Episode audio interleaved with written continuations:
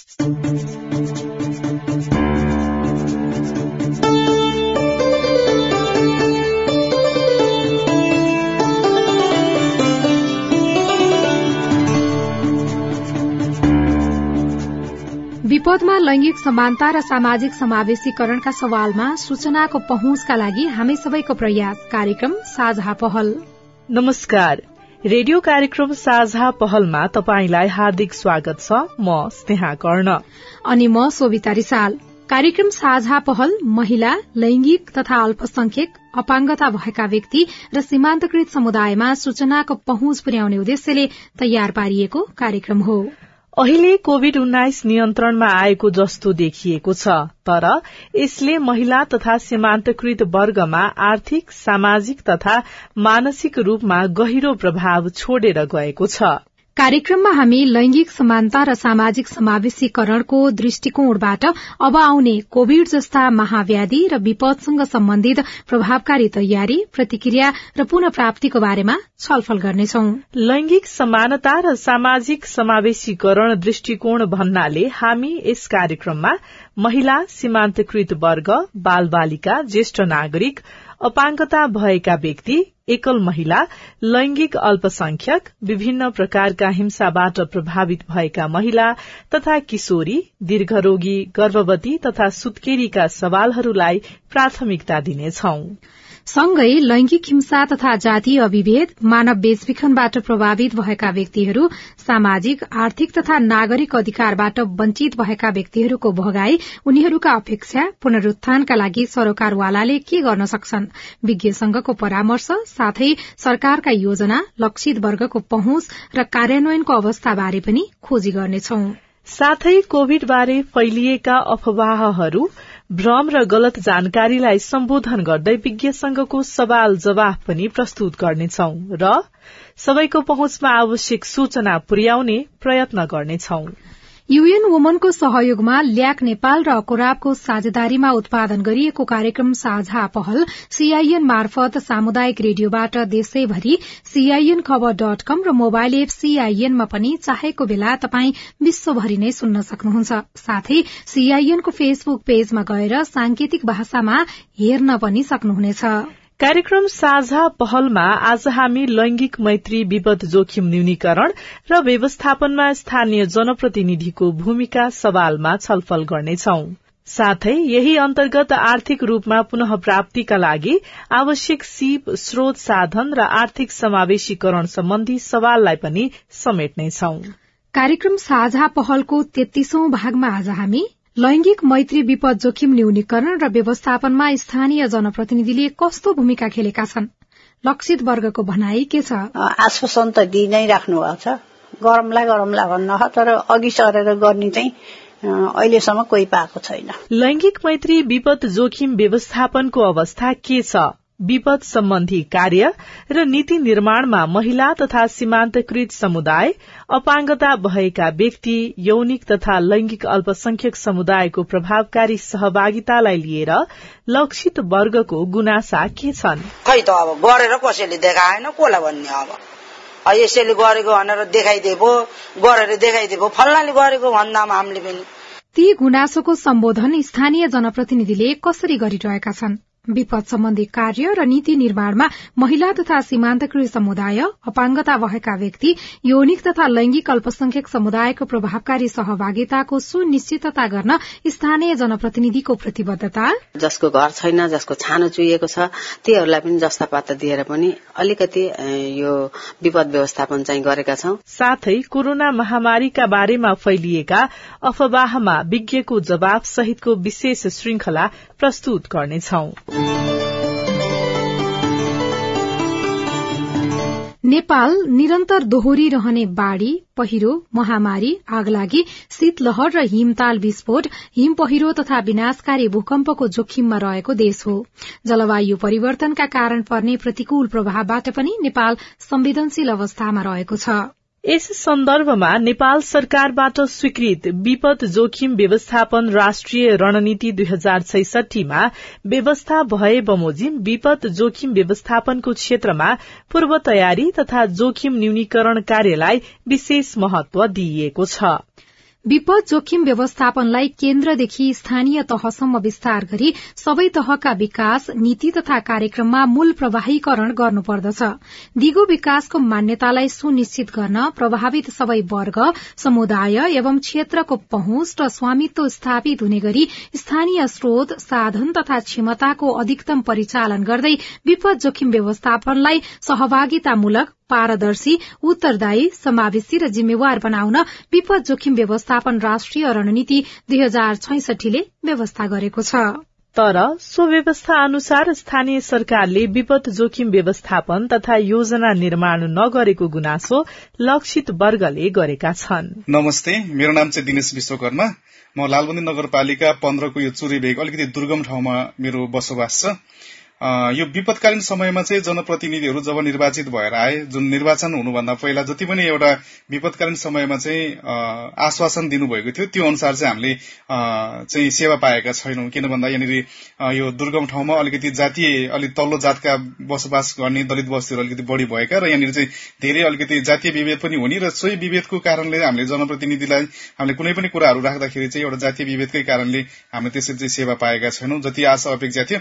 एउटा विपदकालीन वर्तमान समयमा चाहिँ जनप्रतिनिधिहरूले हामीलाई सेवा दिनुभएको छैन चाहिँ हामीलाई एकदमै यो महसुस भएको छ। नमस्कार मेरो नाम कृष्णबहादुर ठकुरी। विपद पर्ने बेलामा अझै अलिकति हैसार दिनु पर्यो। के हो हजुरहरूको भोटमा पनि हामीहरू सहयोग गर्छौँ।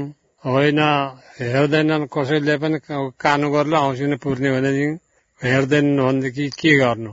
चुनावको बेलामा हजुरहरू आउनुहुन्छ। आपद पर्ने बेलामा केही हेर्नुहुन्न नमस्कार मेरो नाम विवेक कुमार चमार हाम्रो घर र यो वरिपरि चाहिँ अहिले बेला बेलामा बर्खायामको समयमा विशेष गरी अब बाढी पहिरो आउँछ। त्यो बेलामा हामीलाई यो राहत आयो आयो भन्छ तर ल्याइदिँदैन। बिचमै हराइदिन्छ। अनि गएर जनप्रतिनिधिसँग पनि भन्यो आउँछ तपाईँलाई ल्याइदिन्छु भन्छ। अब त्यो पनि आउँदैन। हामीलाई धेरै तल्लो जातको छ भनेर त्यो पछि पनि पारेको हो कि जस्तो पनि लाग्छ बेला बेलामा। अनि अस्ति भर्खर बुवा त्यहाँनिर गएको थियो राहत आयो भनेर। त्यतिखेर पनि होइन तपाईँलाई हल्ला फिजाइदिएछ कुन चाहिँले आएकै छैन भनेर पठाइदियो। त्यतिखेर समाचारमा चाहिँ हामीले सुनेको थियो। यहाँनिर छेउमै छ रेडियो। त्यहाँबाट सुनेको थियो राहत आएको छ लिन जानुपर्छ भनेर भने थियो। जाँदाखेरि अब हामीलाई कहिले त अब यो सानो जात भनेर पनि हेपेको जस्तो लाग्छ। अनि कहिले काहीँ अब खै के हो के हो यो हामी त बुझ्नै सक्दैन सरकारको नियम। अब के गर्ने हो? त्यसमा चाहिँ विशेष ध्यान दिनुपर्छ। हाम्रो घर परिवारमा फेरि त्यति पढे लेखेको मान्छे पनि छैन। अब हामी अहिले दस कक्षामा पढिरहेको अनि त्यही भएर अब घरमा कोही आउँछ अब हामीलाई नै बोलाइहाल्नुहुन्छ बुवा मम्मीले। अनि के हो कसो हो भनेर बुझ्दाखेरि अब राहत आएछ कि भन्छ अब यो सहयोग आछ त्यो आछ भन्छ। कसैले पनि हेर्दा पनि हेर्दैन। चुनावको बेलामा भोट माग्न आउँछ। भोट माग्ने मान्छे पनि आएपछि फेरि पाँच वर्षसम्म गायब भइदिन्छ।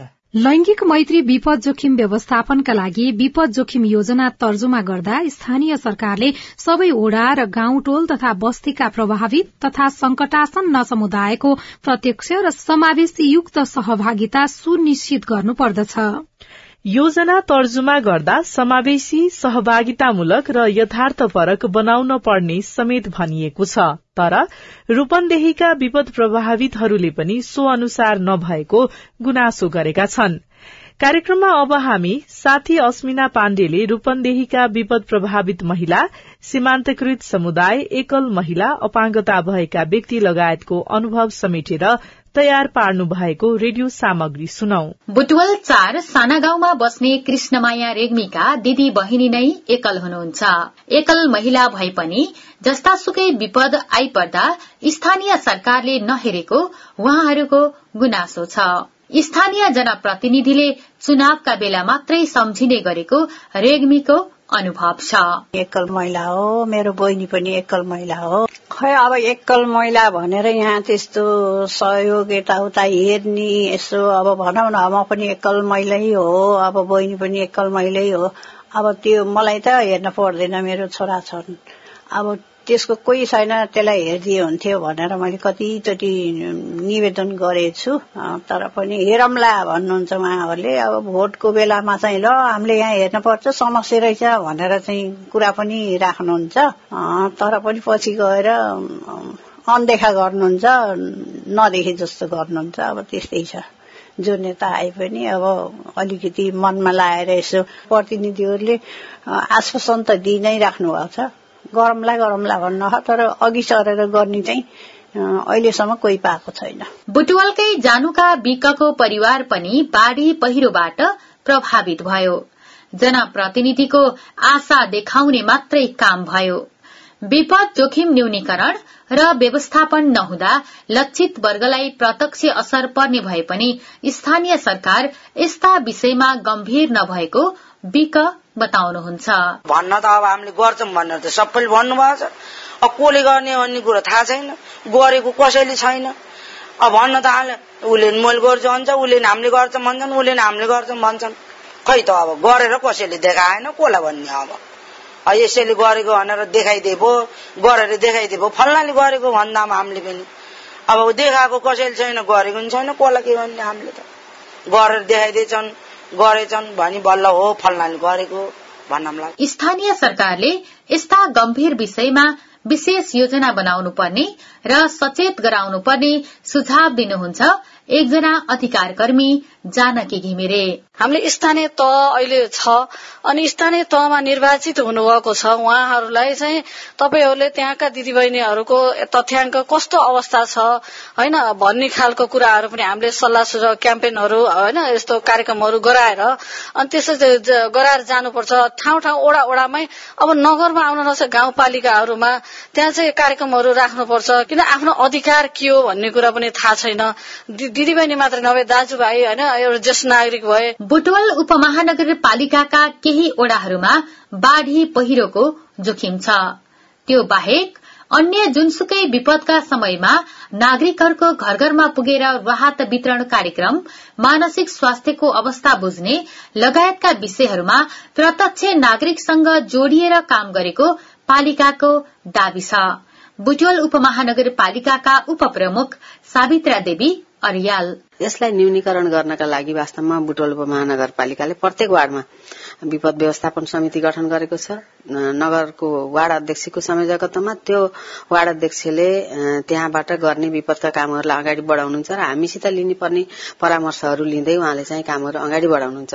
वास्तवमा बुटोलकै कुरा गर्ने हो भनेदेखि हामीले गत वर्ष ज्योतिनगर पहिरोबाट प्रभावित भएकाहरूका लागि तीन महिनाको भए पनि घर भाडा हामीले तिर्दिनुपर्छ राहत स्वरूप दिनुपर्छ भनेर चार परिवारलाई पच्चिस पच्चिस हजारका दरले दियौं भने वार्ड नम्बर एघारमा पन्ध्र परिवारलाई पन्ध्र हजारका दरले हामीले चाहिँ राहत स्वरूप दियौं। र त्योभन्दा अलावा हामीले जसको घर छैन जसको छानो चुहिएको छ तीहरूलाई पनि जस्ता पाता दिएर पनि अलिकति यो विपद व्यवस्थापन चाहिँ गरेका छौं। जहाँ बाढ़ी पसेको छ जहाँ खोला पसेको छ जहाँ अव्यवस्थित भएको छ त्यहाँ एक्सकाभेटर पठाउने खोलालाई चाहिँ गहिरो बनाउने र पानी आफ्नो सतहमा बग्ने गरी चाहिँ काम गरेर बसेको छ। तर विपदलाई मुख्य प्राथमिकतामा राखेर नीति निर्माण गर्ने र योजनाहरू ल्याउनु पर्ने सरकारवालाहरू बताउँछन्। दीर्घकालीन रूपमा यस्ता समस्याहरू समाधान गर्ने गरी स्थानीय जनप्रतिनिधिले विशेष ध्यान पुर्याउनु पर्ने देखिन्छ। तपाई यति बेला रेडियो कार्यक्रम साझा पहल सामुदायिक सूचना नेटवर्क सीआईएन मार्फत देशभरका विभिन्न सामुदायिक रेडियो र मोबाइल एप सीआईएन तथा सीआईएन खबर डट कम मार्फत पनि सुनिरहनु भएको छ। तपाईलाई पनि विपदका बेला आफूले भोगेका समस्याहरू सुनाउन मन छ? या सरकारसँग आफ्नो अपेक्षा प्रश्न गुनासो वा जिज्ञासाहरू छन्? छन् भने हाम्रो फोन नम्बर शून्य एक बान्न साठी छ चार छमा फोन गरेर आफ्नो कुरा राख्न सक्नुहुनेछ। लैंगिक समानता र सामाजिक समावेशीकरण जेसीको अवधारणा अनुसार पछाडि परेका वा पारिएका वर्ग समुदाय र क्षेत्रका जनताको विकासका लागि कार्यक्रमहरूलाई कार्यान्वयन गरी समानुपातिक विकास गर्नुपर्दछ। विकासलाई सामाजिक समावेशीकरण र लैंगिकीकरण गर्दै महिला बाल बालिका दलित आदिवासी जनजाति मधेसी मुस्लिम उत्पीड़ित विपन्न वर्ग अपाङ्ग तथा पिछड़िएका क्षेत्रका जनताको समानुपातिक सहभागितातर्फ कार्य गरिनुपर्दछ कैलालीको भजनी नगरपालिकामा भने के छ त अवस्था? लैंगिक मैत्री विपद जोखिम न्यूनीकरण र व्यवस्थापनमा स्थानीय जनप्रतिनिधिले कस्तो भूमिका खेलिरहेका छन्? लक्षित वर्गको प्रश्न सहितको स्थानीय जनप्रतिनिधिसँगको प्रश्नोत्तर श्रृंखला कार्यक्रममा अबको पालोमा। मेरो नाम चाहिँ देवीराम जोशी हो। भजनी नगरपालिकाको चाहिँ म त्रिवेणी अपाङ संघको चाहिँ अध्यक्ष हो। विपद आएको बेला अपाङ्गता राहत भनेर चाहिँ एउटा अपाङ्गता व्यक्तिको लागि छुट्टै आउँदैन। समग्र सबै पीडितहरूको लागि आउँछ तर त्यसमा अपाङ्गता भनेर चाहिँ खोजी अनि शीर्षक छैन त्यसमा गरे भएको छैन अहिलेसम्म। आएको राहत पनि वास्तविक अपाङ्गता भएका व्यक्तिले जानकारी त्यति साह्रो पाएको महसुस छैन जस्तो छ। अपाङ्गता भएका व्यक्तिहरूको लागि छुट्टै एउटा प्याकेज ल्याइदिनु पर्ने थियो। बाढी पीडित अथवा समस्या परेको बेला नगरपालिकालाई छुट्टै प्याकेज बनाइदिनु पर्ने अपाङ्गता भएका व्यक्तिहरूको लागि कोही अपाङ्गता नदोहोरियन् कोही अपाङ्गता नछुटन् भन्ने हिसाबले समग्र सबै अपाङ्गताहरूको लागि यस्ता राहतहरू आइदिएको भए नगरपालिका मार्फत जनप्रतिनिधि मार्फत यस ठाउँका अपाङ्ग भएका व्यक्तिहरूलाई केही राहत हुन्थ्यो र उहाँहरू पनि केही खुसीको आवाज दिन्थे जहाँ विपद आउँछ त्यो विपदको समयमा त हामीले अपाङ्गलाई सुत्केरीलाई होइन अति विपन्न परिवारलाई अनि अति जोखिममा परेका सबलाई दिएकै छौँ त। सबैले गरेका छौँ त। नेपाल सरकारले तपाईँको अपाङ्गको लागि मात्रै राहत भन्ने कुरा त छैन नि। त्यो सबै हुन्। सबैको लागि सबै समान हुन्। आपद विपद परेको बेला चाहे अपाङ्ग होस् चाहे दलित होस् चाहे जनजाति होस् अन्य जातिलाई समेटेर हामीले त्यो विपदमा परेकालाई सबलाई दिएर। मेरो नाम पार्वती विकास बारी फेरि लागिन खतम छ यहाँ केही पनि छैन न गलाडो धान छ केही छ खालि यहाँ भैयालाई केही पनि राखेका छैन।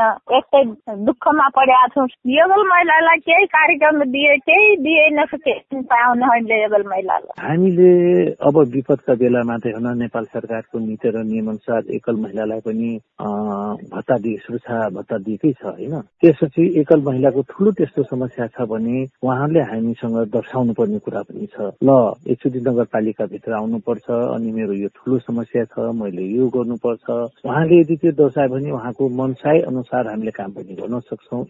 मेरो नाम बिल्लु राजी भलिन नगरपालिका वार्ड नम्बर नौ। हाम्रो नगरपालिकाले त्यस्तो त केही पनि अहिलेसम्म गरेको छैन। अहिले कम्तीमा छ आठ नौ घर जति पाल मुनिमै छ हाम्रो। चार घर चाहिँ पुरा उखाले लागेको अवस्था छ सर हाम्रो। अहिले नौ घर जति पुरा पल्लीमै छ तिनीहरूको व्यवस्था केही पनि भएको छैन। नगरपालिकामा त पाँच पाँच किलो त्यो आएको छ सर त्यो चामल रेड क्रसले तिरपाल दिएको छ सर। अलि उचित बसोबासको व्यवस्था हुनु पर्ने सर। अब हामीले प्रमुख जातिलाई अति नै अग्रिम रूपमा हामीले राखेका छौँ। उहाँले पाउने सुविधा अहिले पनि दिइ नै राखेका छौँ। र उहाँहरूको घर यदि बगाएर नै लगेको छ भने हामीले अहिले पनि खोजबिन नीति गरिराखेका छौँ। उहाँहरू कालमा अब एउटा लोकन्मुख जाति मात्रै होइन पुलिया पुलका पनि अब धेरैजना अब आफ्नो घरमा सर्न सक्नु भएको छैन होइन? त्यसको लागि पनि हामी उचित व्यवस्थाको लागि पनि हामीले अब टोली खटाइसकेका छौँ। उहाँलाई अब कुन ठाउँमा दिने कतातिर दिने यदि उहाँको घर बासी छैन भने नेपाल सरकारको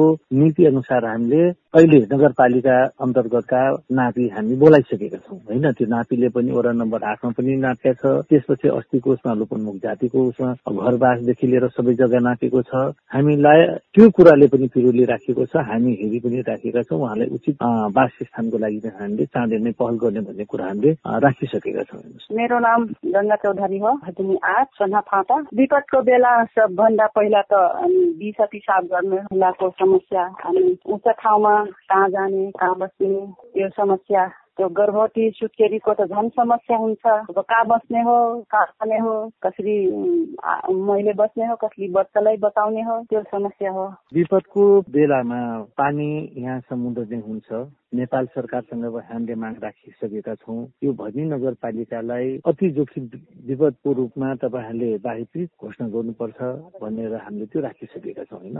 दोस्रो कुरा जब पानी तन्न हुन्छ हेर्नुहोस्। वडा नम्बर तिन वडा नम्बर आठको दक्षिण भागमा रहेको त्यो भूभाग अति नै जोखिममा छ। अनि त्यति बेला उहाँहरू जब हामीले सडकमा हुलाकी सडकमा जब हामी ल्याउन बाध्य हुन्छौँ अनि त्यति बेला हामीले हजुरको हाम्रो सहयोगी संस्थाहरू एनजिओ आइएनजिओदेखि लिएर अन्य अन्य संस्थाहरू हुनुहुन्छ उहाँले पनि रेडिमेड चप्पी ल्याइदिनुहुन्छ रेडिमेड टोइलेट ल्याइदिएपछि अब हामीले त्यो केही दिनको लागि गर्न सक्छौँ। र अब खल्लैतिर हाम्रो अब धेरैचोटि धेरै रहँदा अब धेरैको घरमा अब चर्पी हामीले देखेका छौँ होइन? र चर्पी नभएको कुरालाई पनि हामीले अब अलिकता कहाँनिर सुहाउन भन्नाले योभन्दा पहिलेले दिशामुक्ति क्षेत्र घोषणा गरिसकेको अवस्था हेर्नुहोस्। भनेपछि अहिलेसम्म त्यो किन छैन त चर्बी भन्ने कुरा। नेपाल सरकारले किन घोषणा गर्यो भन्ने फेरि आफैले प्रश्न आउन सक्छ हजुर होइन?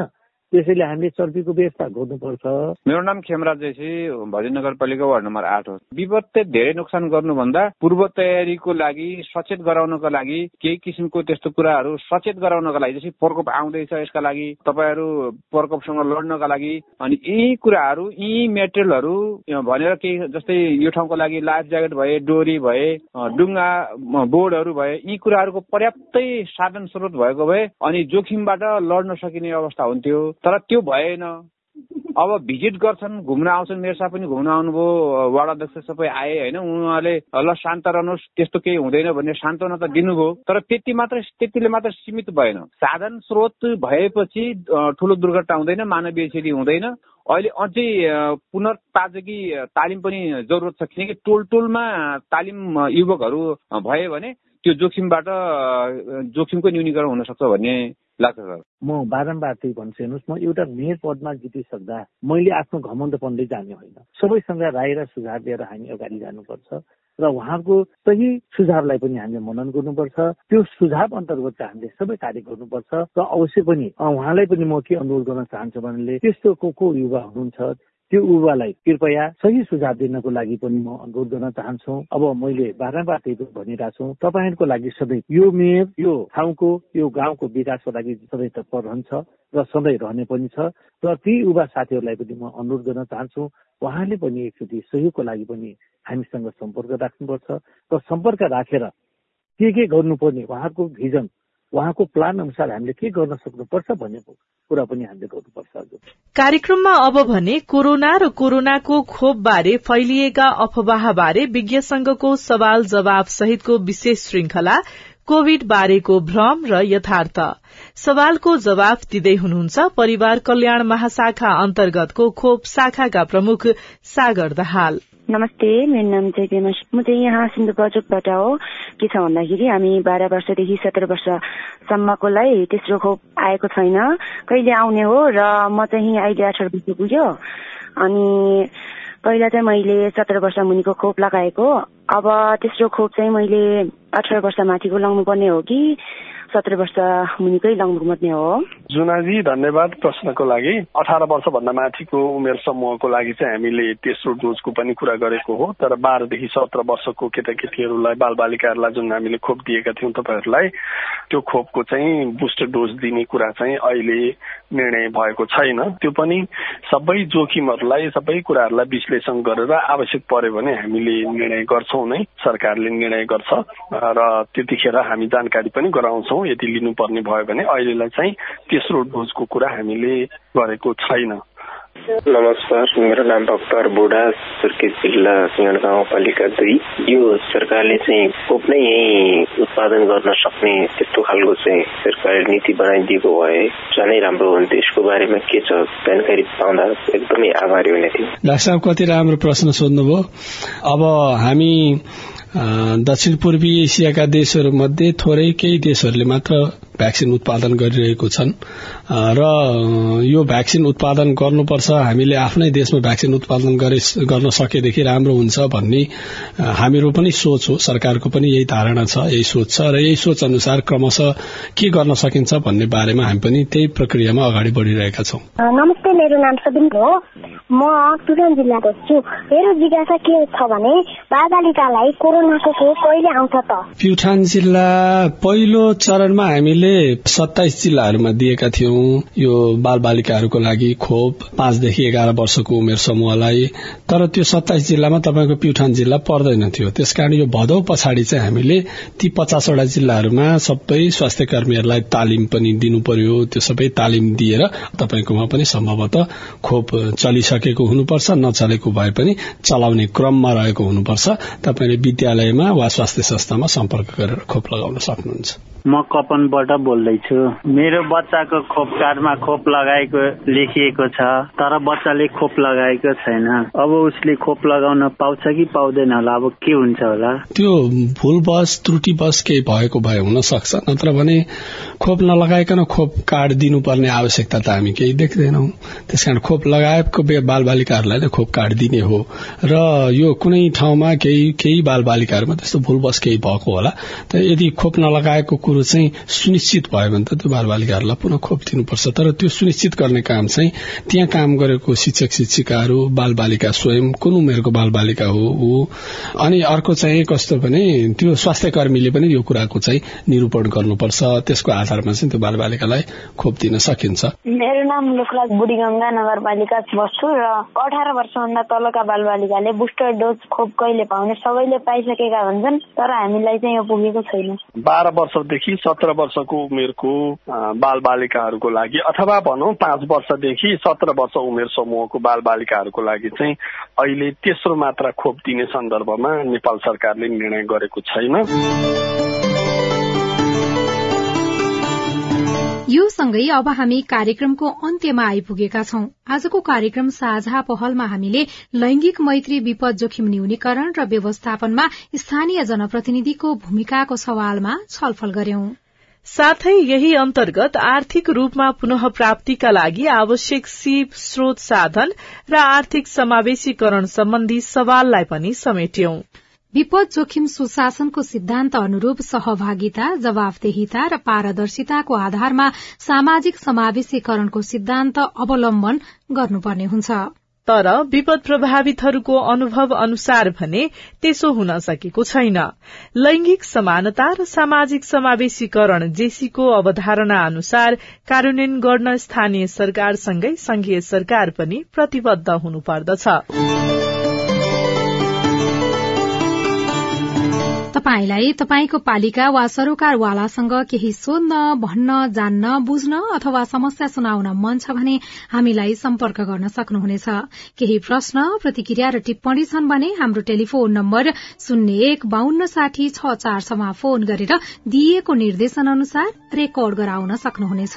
आजका लागि प्राविधिक साथी सुरेन्द्र सिंहलाई धन्यवाद। साथै कार्यक्रमलाई सांकेतिक भाषामा अनुवाद गर्ने साथी उमा पौडेललाई पनि धन्यवाद दिँदै अहिलेलाई रेडियो कार्यक्रम साझा पहलबाट म स्नेहा कर्ण। अनि म सोभिता रिसाल पनि विदा भयौं। नमस्कार।